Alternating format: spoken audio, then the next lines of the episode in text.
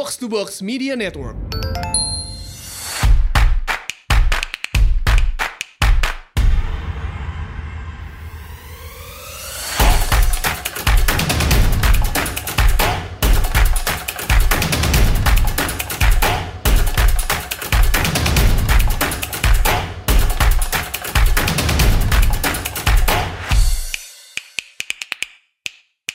Selamat datang di Asumsi Bersuara dan kali ini kita kedatangan Mas Ridwan Habib.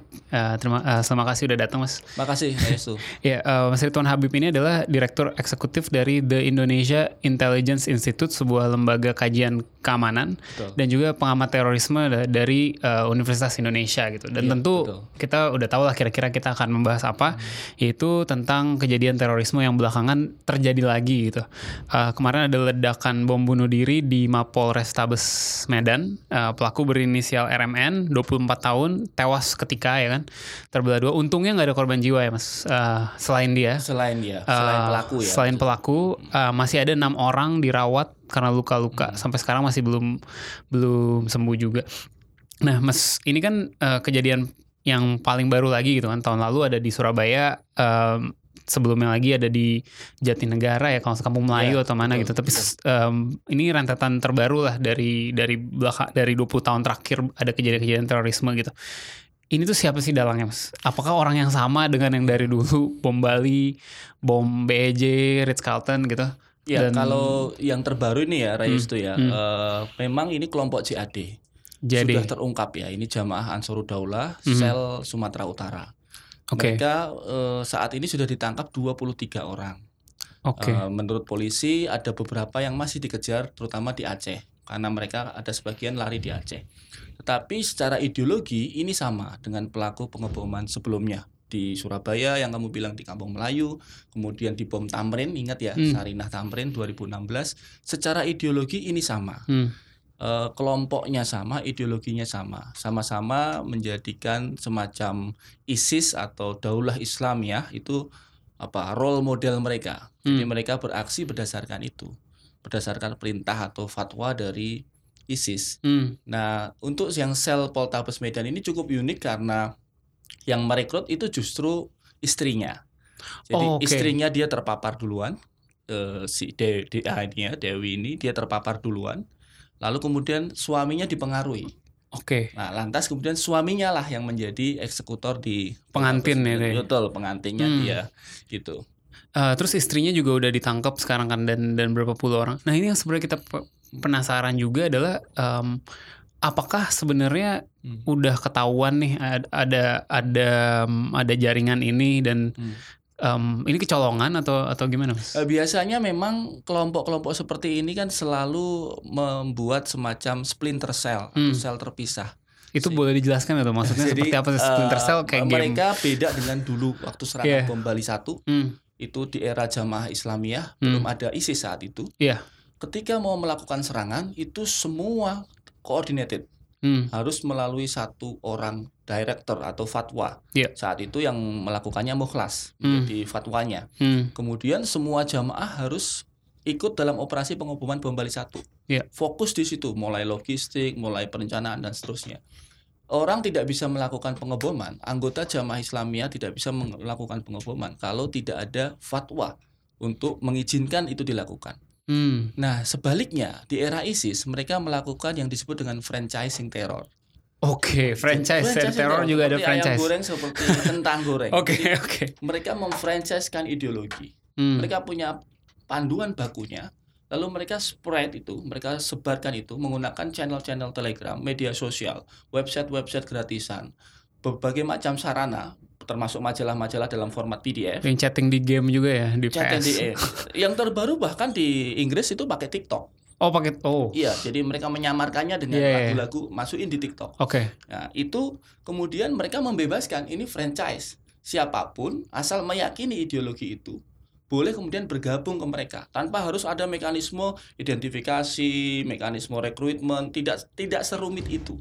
Itulah mengapa kemudian polisi sangat kerepotan ketika satu sel dibongkar, sel yang berikutnya akan tumbuh. Karena orang asal dia em, buka TikTok misalnya buka YouTube Ya, atau buka ya, apa dia bisa langsung ini- terpapar Betul, dan ideologi ini mudah sekali dipelajari Hmm, hmm, karena pada pada prinsipnya sih dia memberikan solusi yang simple. Mereka bilang bahwa dunia kacau, Indonesia kacau, sistem negara bangsa kacau karena nggak pakai Islam. Hmm. Sistem demokrasi nggak kompatibel dengan kehidupan umat manusia. Hmm. Harus pakai Islam. Dan Hmm. kalau pakai Islam, maka harus ada satu pemerintahan tunggal di seluruh dunia yang harus ditaati oleh seluruh umat Islam di seluruh dunia. Hmm. Nah, mereka bilang itu sudah ada, namanya Daulah Islamiyah. Khilafahnya dulu Abu Bakar Al-Baghdadi. Iya. Setelah tewas, mereka angkat Udah baru. udah ada penggantinya Hmm, nih. Abu Ibrahim Al-Hasimi Al-Quraisy dan mereka berbaiat kepada dia.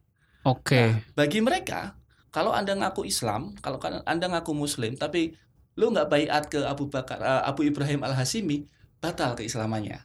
Hmm. Itulah mengapa mereka mengizinkan penyerangan terhadap sesama muslim, misalnya Pak Wiranto. Hmm. Oh itu yang penusukan Sama. Pak Wiranto ini satu grup. Sama, satu ideologi. Beda sel grup, ini sel Sumut, ini sel Pandeglang, sel Pandeglang Bekasi, Jawa Barat. Jadi ideologinya sama, tetapi mereka berorganisasi secara terpisah-pisah, sel yang terpisah-pisah. Berarti modusnya nggak selalu bom ya, nggak selalu pengeboman bisa bisa metode-metode teroris lainnya Betul, gitu. metode terorisme yang berhasil dibongkar kira-kira sekitar sebulan yang lalu sebelum serangan Medan itu di Jakarta, Hmm. namanya kelompok JAD Pak Jenggot. Hmm. Mereka pakai racun abrin. Abrin, abrin itu didapatkan dari buah saga. Buah saga rambat yang ada di selokan-selokan. Hmm. Jadi buahnya kecil, merah gitu, ada titik hitamnya, itu ditumbuk, lalu dicampurkan ke bom asap. Jadi seperti bom asap, tetapi ini mengandung abrin. Nah kalau terhirup itu menimbulkan gagal nafas, Oh. merusak paru-paru, gagal nafas dan mati. Oh serem banget ya. Serem dan itu berhasil terungkap. Sekarang ada 13 orang yang sedang menunggu persidangan. Artinya kelompok-kelompok seperti JAD ini dia selalu mikirin cara-cara baru. Kalau nggak bisa pakai bom, mereka pakai pisau. Di, di Makobrimob kan pernah. Ya. Begitu diperiksa, Oh iya iya iya. nggak ada. Tapi ternyata pisaunya disembunyiin di dalam celana dalam.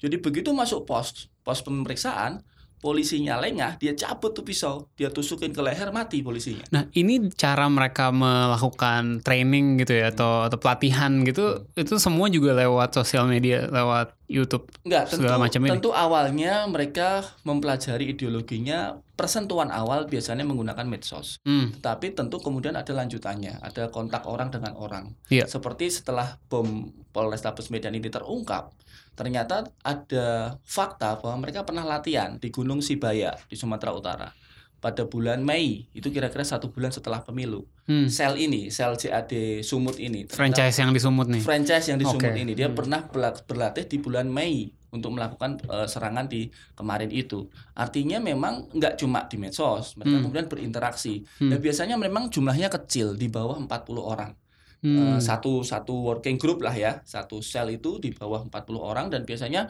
terpisah antara satu sel kecil 7 7 7 begitu baru ketika ada kejadian seperti ini polisi dapat handphonenya Hmm. di situ di Baru ketahuan yang lain betul baru Karena kalau ketahuan yang lain. yang zaman dulu mungkin karena lebih gede mungkin ada yang ada yang bisa infiltrasi, ada yang bisa Ya, bisa apa intelijen di dalam gitu. Benar. Sekarang nggak mungkin sekarang seperti itu mungkin jadi. Hmm. cuma gini ini kita lebih susah hari ini tuh mengukur intensi niat Hmm. kalau dulu kita mengukur apakah akan ada serangan atau tidak nunggu bosnya Oke. Iya kan? Iya, iya. kalau bosnya akan berfatwa misalnya bom Bali 1, bom Bali 2, bom Marriott, bom Ritz Carlton itu nunggu fatwa Iya. nunggu bosnya di Indonesia bilang serang maka akan ada informasi yang ke bawah persiapan persiapan persiapan kalau sekarang dibebasin lu mau nyerang besok monggo lu mau nyerang lusa silahkan nah inilah yang membuat anak-anak atau teman-teman eh, intelijen di lapangan kesulitan karena menghitung intensi Hmm. niat seseorang kan kita nggak bisa tahu kecuali kita benar-benar masuk dalam kehidupannya misalnya menjadi suaminya atau menjadi istrinya closely gitu Iya. Nah kalau tidak, apalagi dari kejauhan, apalagi yang di Medan ini eh, inisiatornya adalah si cewek, si si D itu, si Iya. istrinya, maka akan akan kesulitan intelijen laki-laki mendekati aktivitas perempuan. Mereka kan kalau kajian tertutup tuh, Hmm. perempuan 7 sampai 8 orang, nggak mungkin kalau intelijen laki-laki nggak mungkin bisa masuk ke situ kan? Jadi butuh intelijen perempuan. Nah, butuh intelijen perempuan. Hmm. Padahal data dari teman-teman Densus 88 sangat kekurangan Hmm. intelijen perempuan yang bisa masuk dalam ke jejaring itu. Jadi mungkin kalau ada pendengar yang perempuan yang terkait tertarik untuk jadi Iya, iya, intelijen. benar, benar. Saya juga beberapa kali diminta untuk FGD di Hmm. teman-teman di BIN, di BAIS yang saya sampaikan ke mereka bahwa memang harus diubah pola rekrutmennya. Kalau Hmm. dulu kan 80 intelijen laki-laki, 20 persennya perempuan. Iya. Nah saya bilang, ya kenapa tidak 50-50 sekarang? Dengan eskalasi ancaman yang berubah Karena sangat mungkin ini. datang dari da- Iya. dari oke. Dan perempuan itu, Rayes itu, dia lebih militan. Kenapa? Karena menggunakan pendekatan perasaan. Hmm. Dewi ini, si D ini, dia Hmm. terekrut karena dia rajin mengunjungi napi teroris namanya Ika di lapas Medan. Oke. Jadi dia berkunjung, ngaji di penjara, dia dapat dapat ilmunya dari dia. Karena menggunakan pendekatan psikologis, eh, woman to woman, meresap itu dalam di situ. Lalu kemudian dia menularkan ke laki-lakinya dan kemudian oleh I dikenalkan dengan jaringan JAD di Sumatera Utara. Mas Ridwan, saya jadi jadi tertarik nih kalau misalnya em, apa eh, ada terpidana terorisme misalnya, dia itu masuk penjara penjara biasa, penjara biasa bareng bareng napi-napi em, kejahatan-kejahatan ringan dan sebagainya juga. Betul. Jadi itu nggak ada resiko ya di situ ya bahwa Sangat berisiko. Bagi mereka, Iya. penjara bukan halangan. Hmm. Bagi mereka istilah di kelompok ini, penjara adalah madrasatul jihad, madrasah, sekolah jihad. Jadi kalau lo ditangkap, kalau ada teroris ditangkap, masuk ke dalam penjara dia belum belum bisa belajar bom. Hmm. Masuk bertemu dengan senior-seniornya yang duluan di penjara dan dia bisa bikin bom, maka dia akan belajarnya di dalam penjara. Hmm. Saya ambil contoh misalnya napi-napi umum, misalnya pencuri motor, pemerkosa gitu. Begitu masuk ke lapas Cipinang, berkenalan dengan napi-napi terorisme di Cipinang, mereka terpengaruh. Mereka persuasinya juga ba- juga Sangat bagus. bagus. Kemudian diiming-imingi bahwa dosa kamu bisa terhapuskan Hmm. kalau kamu ikut jamaah kita. Dosa kamu akan terampuni kalau kamu berbaiat kepada Daulah Islamiyah. Itulah yang membuat seorang namanya Ali, dia adalah pencuri motor, ditangkap dimasukin ke Cipinang, join ke JAD. Begitu keluar dari Cipinang, dia menembak di Sarinah Tamrin. Oh, yang Nah, yang kasus Sarinah iya, Tamrin itu dia, dia tadinya pencuri motor biasa. Residivis curanmor, bukan teroris. Oke. Tapi begitu masuk ke Cipinang, dia kenal dengan ideologi ini, dia terbrainwash. Begitu dia keluar, dia jadi teroris. Berarti harusnya gimana, Mas? Kalau menurut menurut Eh, Mas Ridwan? diskursus ini udah lama sekali sejak era Pak SBY Iya. bahkan. Dulu ada usulan di era Pak SBY ada sistem eh, pemasyarakatan atau pemenjaraan teroris secara ter, eh, tertutup, terkendali. Hanya Artinya khusus napi semuanya teroris. napi teroris. Kayak Guantanamo gitu. Mirip-mirip gitulah, Hmm. tapi mungkin lebih humanis lah, ya, Hmm, lebih iya. beradab. Di dulu disiapkan di Sentul. Hmm. Satu lahan besar kira-kira 12 hektar sudah dibangun gedungnya. Tapi sekarang belum di belum digunakan. Belum dilanjutkan. Ya, ada ada per, penentangan di teman-teman DPR dan seterusnya. Jadi ini agak agak rumit karena ada HAM juga di situ dan Iya, seterusnya. Ada juga usulan eh, penjara isolasi. Jadi satu orang satu sel. Ini dilakukan juga sekarang di Nusa Kambangan, tetapi hanya untuk yang divonis mati. Oh. Seperti Aman Abdurrahman, ada beberapa lah yang sudah divonis mati. Karena dia sangat berbahaya. Kenapa berbahaya? Karena dia ideolog. Ideolog kalau ditemuin dia bisa mengubah orang, Bisa nge-brainwash orang. orang. Hmm. Jadi seseorang misalnya Bahru Naim, saya ambil contoh, Bahru Naim itu dulu aktivis Hizbut Tahrir Indonesia di UNS Solo, Hmm. bertemu Aman Abdurrahman, dua tiga pertemuan berubah dia, ikut JAD, lalu pergi ke Suriah, lalu mati di sana. Oke, oke, oke. Itulah hebatnya ideolog. Iya. Eh, Mas kan balik lagi ke bahwa yang sekarang tuh Iya. banyak splinter cell yang kecil-kecil gitu ya. Itu kan ya akhirnya kalau kita lihat dalam beberapa serangan terakhir, Hmm. impactnya juga sama sekali nggak gede kan. Kayak eh, yang sekarang Iya. yang meninggal dia seorang, yang di Surabaya juga juga juga kalau nggak salah dikit ya Iya. korban jiwa yang bukan Iya. pelaku ya. Juga yang di Kampung Melayu segala macam. Iya. Eh, itu mereka sebenarnya strateginya seperti apa sih untuk untuk mencapai tujuannya misalnya apakah dengan dengan bom kecil-kecil yang mati satu dua ini akan menurut mereka bisa berpengaruh atau gimana? Ya itu pembuktian atau bah- bahasa mereka itu uh, amal istihad ya. Hmm. Ya, pembuktian Hmm. bahwa mereka devoted, setia dengan ideologi ini, Hmm. setia dengan jamaah ini, kemudian Hmm. dia berani melakukan tindakan itu. Dan memang ditujukan kepada tohut atau musuh mereka ya, setan Hmm. besar. ya. Hmm. Mereka itu setan besar, ya terutama kepolisian. Nah iya, ini pertanyaan berikutnya. hukum. Ha. Karena mereka dianggap eh, kelompok atau pihak pemerintah yang paling merintangi Oke. tujuan mereka. Karena udah tiga kali ini kepolisian selalu kan Iya, yang di Surabaya, selalu, yang di selalu. sini, yang di. Nah, kenapa misalnya kemarin ada pertanyaan, kenapa kok yang Surabaya gereja? oh sorry, ya Nah, Surabaya gereja iya. besoknya baru kepolisian. Iya, Iya. karena mereka punya satu konsepsi juga yang disebut dengan teori miftahus siro. Iya. Miftahus siro itu miftah itu pembuka, siro itu konflik. Hmm. Buat mereka, ideologi mereka akan lebih cepat menyebar dan diterima masyarakat kalau society masyarakat itu konflik. Kenapa? Kalau kemudian masyarakat ini damai, tentram, adem ayem, ini nggak laku. Ideologi ini nggak laku. Oke. Itulah kenapa kemudian mereka mencoba menciptakan konflik sipil, masuk menyerang gereja supaya ada konflik kan antara Kristiani dengan eh, Muslim dan seterusnya. Mereka berhasil di Irak, mereka berhasil di Suriah. Suriah waktunya awal awalnya aman dan damai. Oh bentar, jadi dia menyerang, mereka menyerang gereja itu bukan karena oh dia membenci orang Kristiani, tapi untuk menimbulkan ada ada apa ya, ada konflik sosial gitu. ya? Iya, betul. Kemudian ada distrust satu sama lain antar warga kemudian menjadi bertengkar. Hmm. Mereka lakukan hal yang sama di Marawi. Marawi, saya Hmm. kebetulan pernah riset di sana. Ya. Sebelum kejadian konflik itu, tiga bulan saya di sana. Hmm. Itu sehari-harinya seperti Aceh biasa. Hmm. Ya di Aceh kan kita wajar ya lihat wanita berjilbab itu sudah biasa di sana, Iya. normal gitu. Hmm. Tapi kemudian ISIS masuk, Hmm. mereka ngomporin masyarakat dan mengatakan bahwa kalian ditindas oleh pemerintahan Katolik di Manila. Oh marah, oh iya. Ya, ha. jadi ada kata-kata Iya. kalian ditindas oleh Katolik di Manila. Ada kata-kata itu, dibumbui itu, sehingga kemudian warga yang awalnya biasa-biasa saja tersulut emosinya. Menjadi konflik sipil, konflik antar warga. Rumah-rumah yang non-muslim ditandain, kemudian terjadi konflik eh, horizontal. Hmm. Di situlah kemudian ISIS masuk dan bisa menguasai kota sampai enam bulan. Bahkan hampir tujuh bulan lah. Itu sampai pakai operasi militer tempur untuk bisa Iya mengusir iya. mereka. iya. Nah, itulah yang sebenarnya strategi mereka, Miftahus Syiro. Kami cukup khawatir 2016-2017 di Pilkada Jakarta karena ISIS kan mencoba mengompor-ngompori terus, masuk melalui Oh bentar, kecil. Pilkada Jakarta ada ada saya nggak pernah dengar nih tentang ini. Enggak, bahwa, Pilkada Jakarta iya. kan ada friksi nih ya. Kan kita ha. harus tahu lah. Iya, ada friksi jelas. Tapi bahwa ada Eh, ISIS eh, terlibat, ada kayak ada pro Ahok, anti Ahok kan. betul. Nah, ah. ISISnya masuk, nyoba ngompor-ngomporin. Gitu, memasukkan ideologi mereka ke sel-sel kecil Oh sel-sel kecil ini yang kecil-kecil masyarakat tadi. yang iya. menolak Ahok ini untuk melakukan tindakan kekerasan. Hmm, Alhamdulillah tidak terpancing.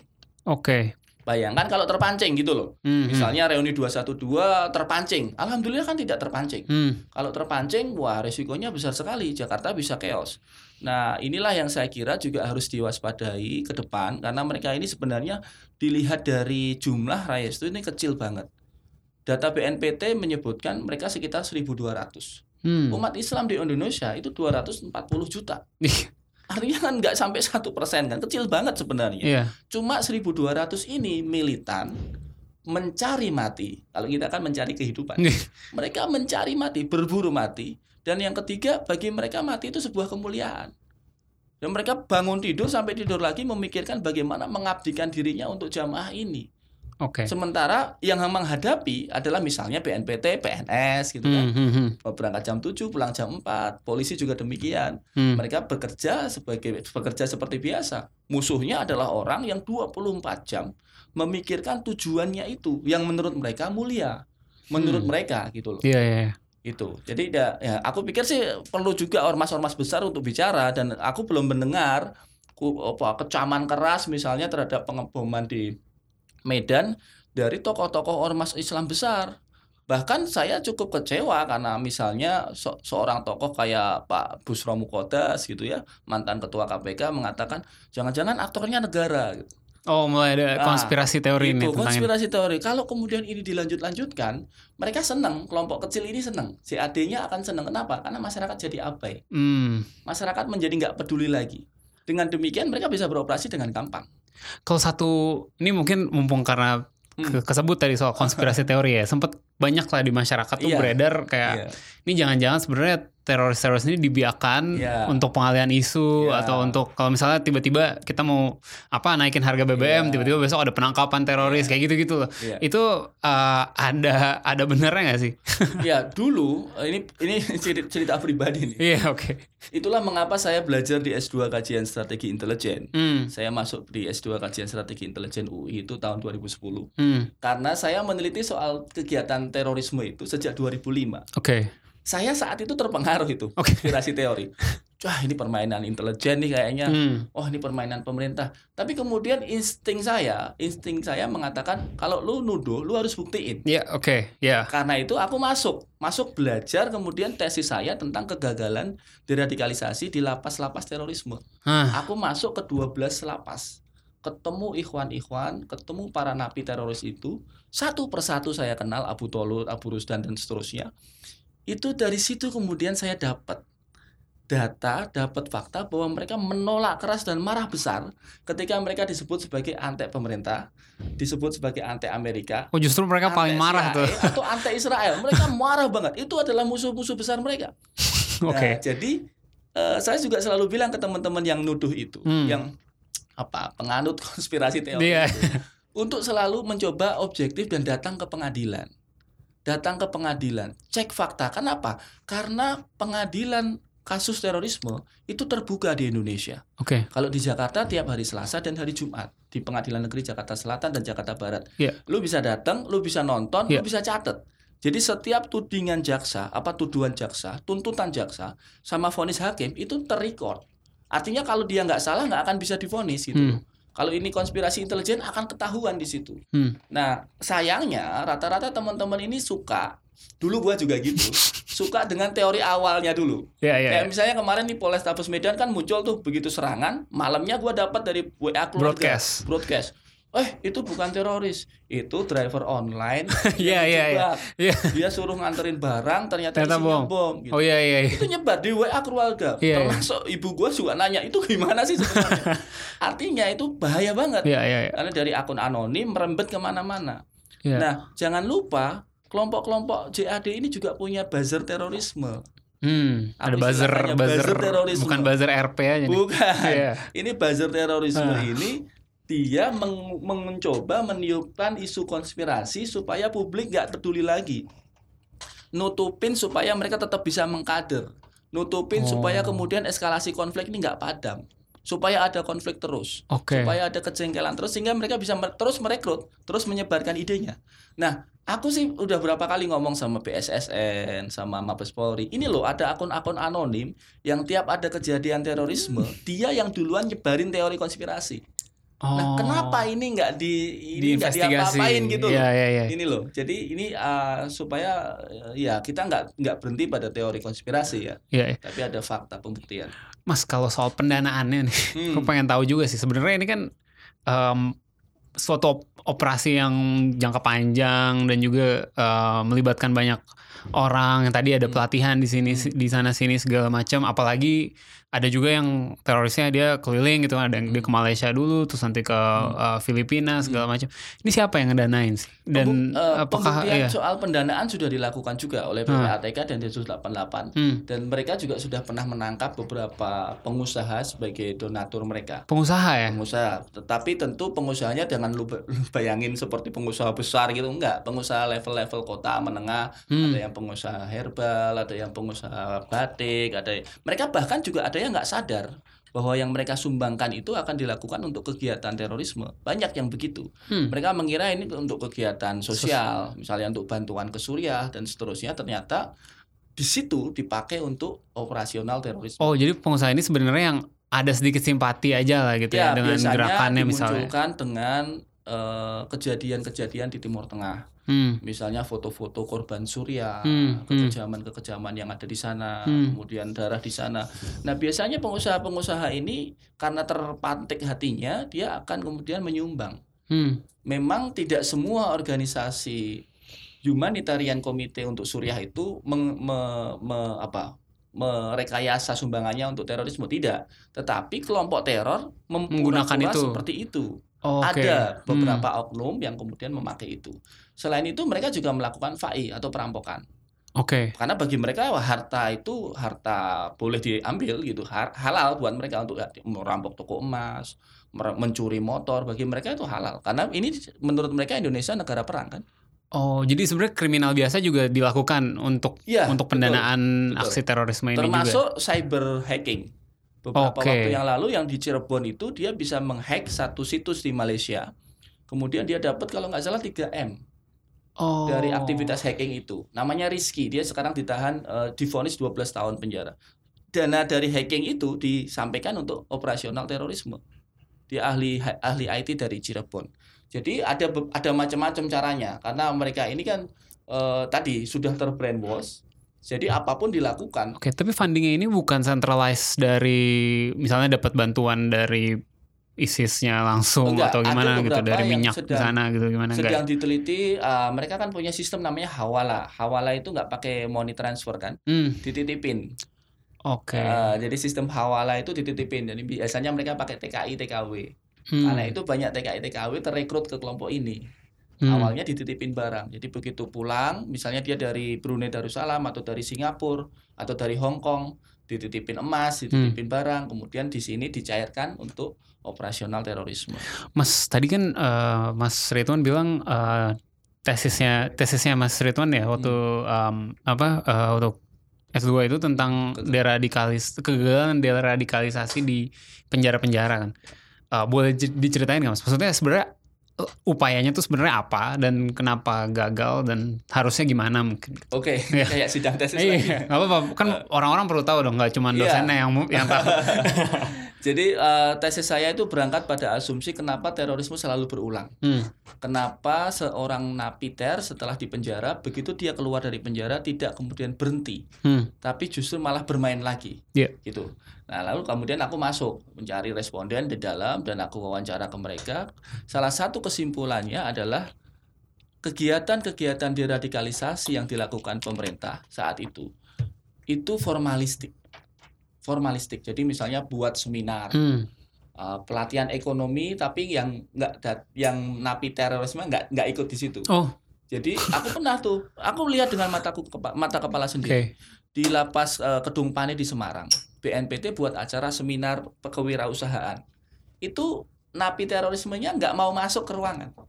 Mereka di luar aja ngobrol satu sama lain. Padahal seminar itu Di- dilakukan Untuk- oleh BNPT program deradikalisasi. Aku tanya waktu itu sama Abu Tolut, kenapa Ustadz, kenapa nggak masuk? Alah sama aja. Nanti itu cuma formalitas untuk ya laporan bahwa BNPT sudah melakukan sesuatu. Oh. Nah, ini saya- klasik nih. Saya pertahankan Klasik. tesis saya karena salah satu pengujinya juga salah satunya Profesor Irfan Idris dari BNPT. Hmm, Saya berdebat di sidang tesis saat itu hmm. dan saya punya faktanya. Saya ada transkrip dialog, ada rekaman wawancara. Artinya saya bukan mem- tidak memfitnah. Hmm, hmm. Artinya di situ saya ingin bilang bahwa banyak sekali upaya-upaya deradikalisasi pemerintah yang sangat formalistik, tidak mengandalkan human to human approach. Jadi waktu itu gue pakai pendekatan namanya teori Raskal ya, itu teori psikolognya CIA. Hmm. Dia eh, dia mengatakan bahwa kalau lo ingin ngubah pikiran dan hati seseorang, lo nggak bisa pakai metodologi formal, tapi harus pakai pendekatan personal. Itu Hmm. mulai dari pendekatan keluarga, hobi, kesehatan. Jadi agen-agen BNPT masuk jangan cuma bikinin seminar, tapi harus kemudian tanya keluarganya sakit nggak, Hmm. istrinya ada kerjaan nggak. Karena mereka sendiri ketika ngerekrut orang, membrainwash orang seperti, itu pendekatannya. Oke. Itu. Jadi ada salah satu mantan Kadensus 88 Hmm. yang cukup senior, sekarang juga beliau masih aktif untuk melakukan upaya normalisasi kehidupan napi itu. Iya. Dia pendekatannya pakai hobi. Jadi dia di tokohnya ini senangnya apa? Ada satu ustadz di di Semarang juga, dia hobinya ayam bekisar. Dia didekati pakai pendekatan yang lain tuh mentok terus. Tapi begitu diajak ngobrol soal ayam bekisar, masuk Oke. dikasih bibit ayam bekisar ini Ustadz untuk dirawat di penjara seneng sekarang begitu bebas udah normal kembali bahkan menjadi penceramah untuk melawan mereka gitu Hmm. ah kalau kemudian kita mencoba cara-cara baru itu ini salah satu eh, kesimpulan tesis gua harus ada pendekatan baru cara-cara baru yang membuat napi teroris itu begitu keluar dari penjara normal kembali sebagai masyarakat biasa Kalau tidak, maka mereka justru menggunakan penjara sebagai madrasatul jihad. Yang tadi itu. Madrasah jihad untuk merekrut dan untuk belajar. Artinya negara justru mengeluarkan dana untuk memperkuat Oke. jaringan teror.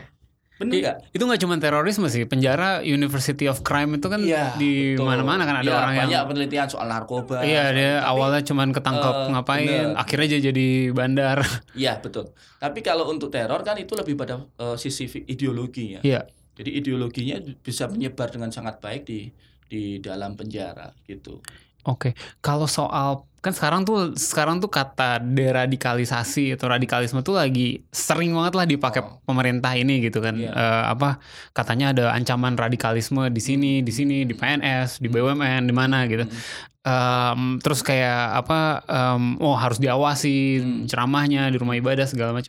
Itu menurut Mas Ridwan sendiri ini agak berlebihan atau Hmm. atau sebenarnya emang segitunya mengancam nih radikalisme ini kan orang-orang banyak yang bilang "Ah, ini mungkin pemerintah cuman ini aja nih buat dia pengen pengen bikin kebijakan apa atau Hmm. pengen bikin apa dengan dalih mengatasi radikalisme atau apa gitu. Kalau menurut Mas Rid- Mas Ya, begini Rayes itu harus dibedakan antara mereka-mereka yang kritis terhadap pemerintah Hmm. dengan mereka yang terpapar Hmm. radikalisme ekstrim Hmm. yang aku bilang tadi, ekstrim menyimpang sampai mau melakukan tindakan teror. Kalau kemudian yang benar-benar ekstrim menyimpang, misalnya yang terbaru seorang polwan Hmm. dari Maluku Utara namanya Nesti, dia keluar dari dinas kepolisian dan pengen menjadi pengebom bunuh diri. Hmm. Itu ada, ada, dia polwan. Tetapi yang seperti itu jumlahnya sebenarnya sangat kecil. Oke. Nah, mayoritas yang sebenarnya ada sekarang, masih ada sekarang di ASN itu, dan termasuk di BUMN, itu adalah mereka-mereka yang kritis dengan pemerintah karena pertimbangan politik. Residu, aku bilang residu pilpres dan Hmm. residu pilkada 2017. Hmm. Aku bilang itu kenapa? Karena banyak dari mereka yang sebenarnya nggak radikal-radikal amat. Hmm. Tapi kalau bicara soal mengkritik pemerintah, mereka menggunakan patokan-patokan tokoh-tokoh patron-patron yang oleh orang yang awam dianggapnya itu radikal. Oh, oke. Paham maksudku Oke, ya? ya, ya. Misalnya ini lagi lagi hits nih soal penolakan Pak Ahok jadi komisaris Iya. Pertamina. Hmm. Orang sering bilang, wah yang nolak nih radikal, yang nolak radikal. Enggak kok. Kalau lu lihat sejak rekam medsosnya dia nggak radikal. Dia misalnya sholatnya mungkin juga nggak tertib. Berbuat yang macam-macam mungkin juga ada gitu. Tapi kenapa kemudian orang menganggap dia pasti radikal? Hanya gara-gara dia menolak Ahok. Hmm. Jadi bedain antara yang beneran terpapar. Kalau aku bilang sih sebenarnya tinggal dua organisasi yang bahaya. Hmm. Pertama Hizbut Tahrir Indonesia karena dia menolak demokrasi dan menolak Pancasila dan dia meresap menyusup ke ASN itu dengan sangat smooth. Hmm. Mereka nggak pakai jenggot, mereka nggak pakai jubah, Nggak kelihatan ya. nggak kelihatan. Mereka tampil seperti biasa, tapi idenya, pikirannya adalah anti negara, anti Pancasila, anti pemerintah. Ini Oke. satu HTI. Iya. Nah yang kedua JAD itu, Jadi yang JAD yang kemudian sekarang beraksi ini. Yang yang lain-lainnya adalah mereka yang menurutku adalah residu dari kontestasi politik. Yang menurutku juga ini harus diakhiri. Kenapa? Karena Pak Menhannya aja udah Prabowo kan. iya. Menhannya udah Prabowo, eh, Gerindra sudah berdamai. Ngapain lagi gitu loh. Dan jangan sampai juga mereka kemudian dicap sebagai radikalis hanya karena Beda kritik politik. beda afiliasi politik. Jadi sebenarnya kalau kalau radikal sendiri itu apa sih? Eh, yang Eh, dianggap radikal ya, itu seharusnya kalau terminologi Iya. eh, KBBI kan memang ada perubahan eh, menginginkan perubahan mendasar Hmm. eh, perubahan politik yang mendasari terminologi kamus besar ya. Hmm. Tapi kalau dari terminologi biasa ya tentu redik dari arti kata mengakar, Hmm. akar yang kuat. Karena itu kemudian ada usulan kan ada radikal positif, Radikal bebas. ada radikal bebas. Nah, menurut saya kalau kita sibuk berdiskusi soal Hmm. definisi Iya. akan lama banget. Pak Presiden mengusulkan manipulator agama. Hmm. Tapi bagi kaum agamawan juga agak tersinggung. Loh, emang manipulator agama berarti yang radikal pasti cuma dari kalangan agama kan belum tentu Hmm, juga hmm. gitu. Misalnya teman apa kelompok separatis Papua gitu misalnya. Mereka Hmm. beroperasi kan bukan karena agama Iya. gitu kan. Iya, Tapi iya. mereka radikal sekali kalau membunuh orang gitu kan. Hmm. Sama saja sebenarnya. Jadi kalau mau diterminologikan ya menurutku sih lebih cocoknya sebenarnya extreme violence. Ekstrim dan melakukan tindakan kekerasan. Jadi sebenarnya ini ya agak ada lebay dikit lah ya orang-orang nih. Wah, berapa berapa Iya. ratus ribu ASN terpapar gitu ya. Iya, menurutku begitu. Dan Oke. gini gini, eh, terpapar itu kan definisinya tadi harus di- dijelaskan dulu. Hmm. Oke. Jangan-jangan kalau dia bilang di medsosnya gua anti Jokowi, lalu kemudian dicap, wah ini ASN radikal. Iya. Kan enggak juga gitu loh. Iya, iya. Ini ASN anti Jokowi iya, gitu. tapi ASN radikal kan enggak gitu. Oke, oke, oke. Gitu. Mas, saya punya pertanyaan satu lagi deh. Hmm. Ini eh, apa pen- penting juga nih tentang ini eh, WNI WNI yang di Suriah nih. Oke. Itu kalau saya baca berita bulan Juni Hmm. itu ada 10 ribuan katanya di sana yang masih stuck di tenda-tenda pengungsian gitu.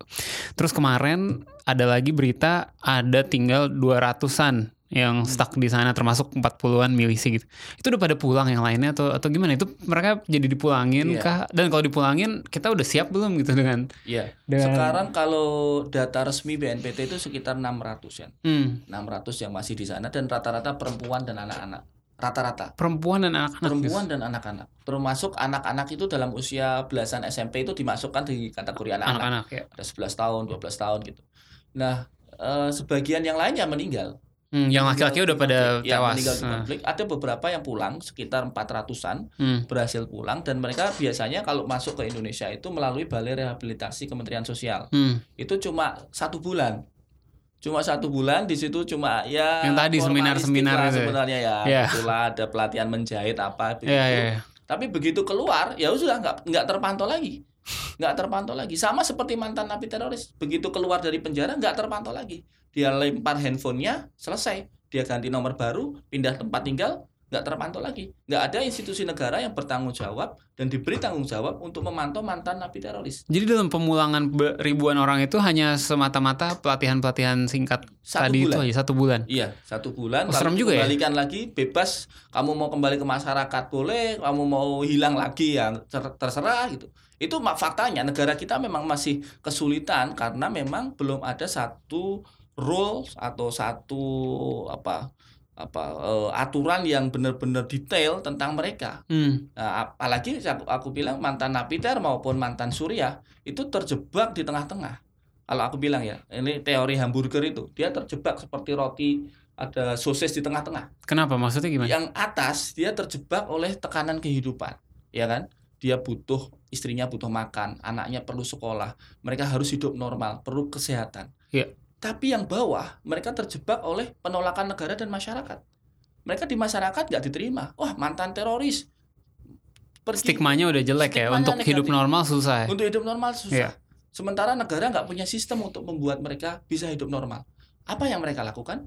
Balik Mereka lagi. mencari basisnya.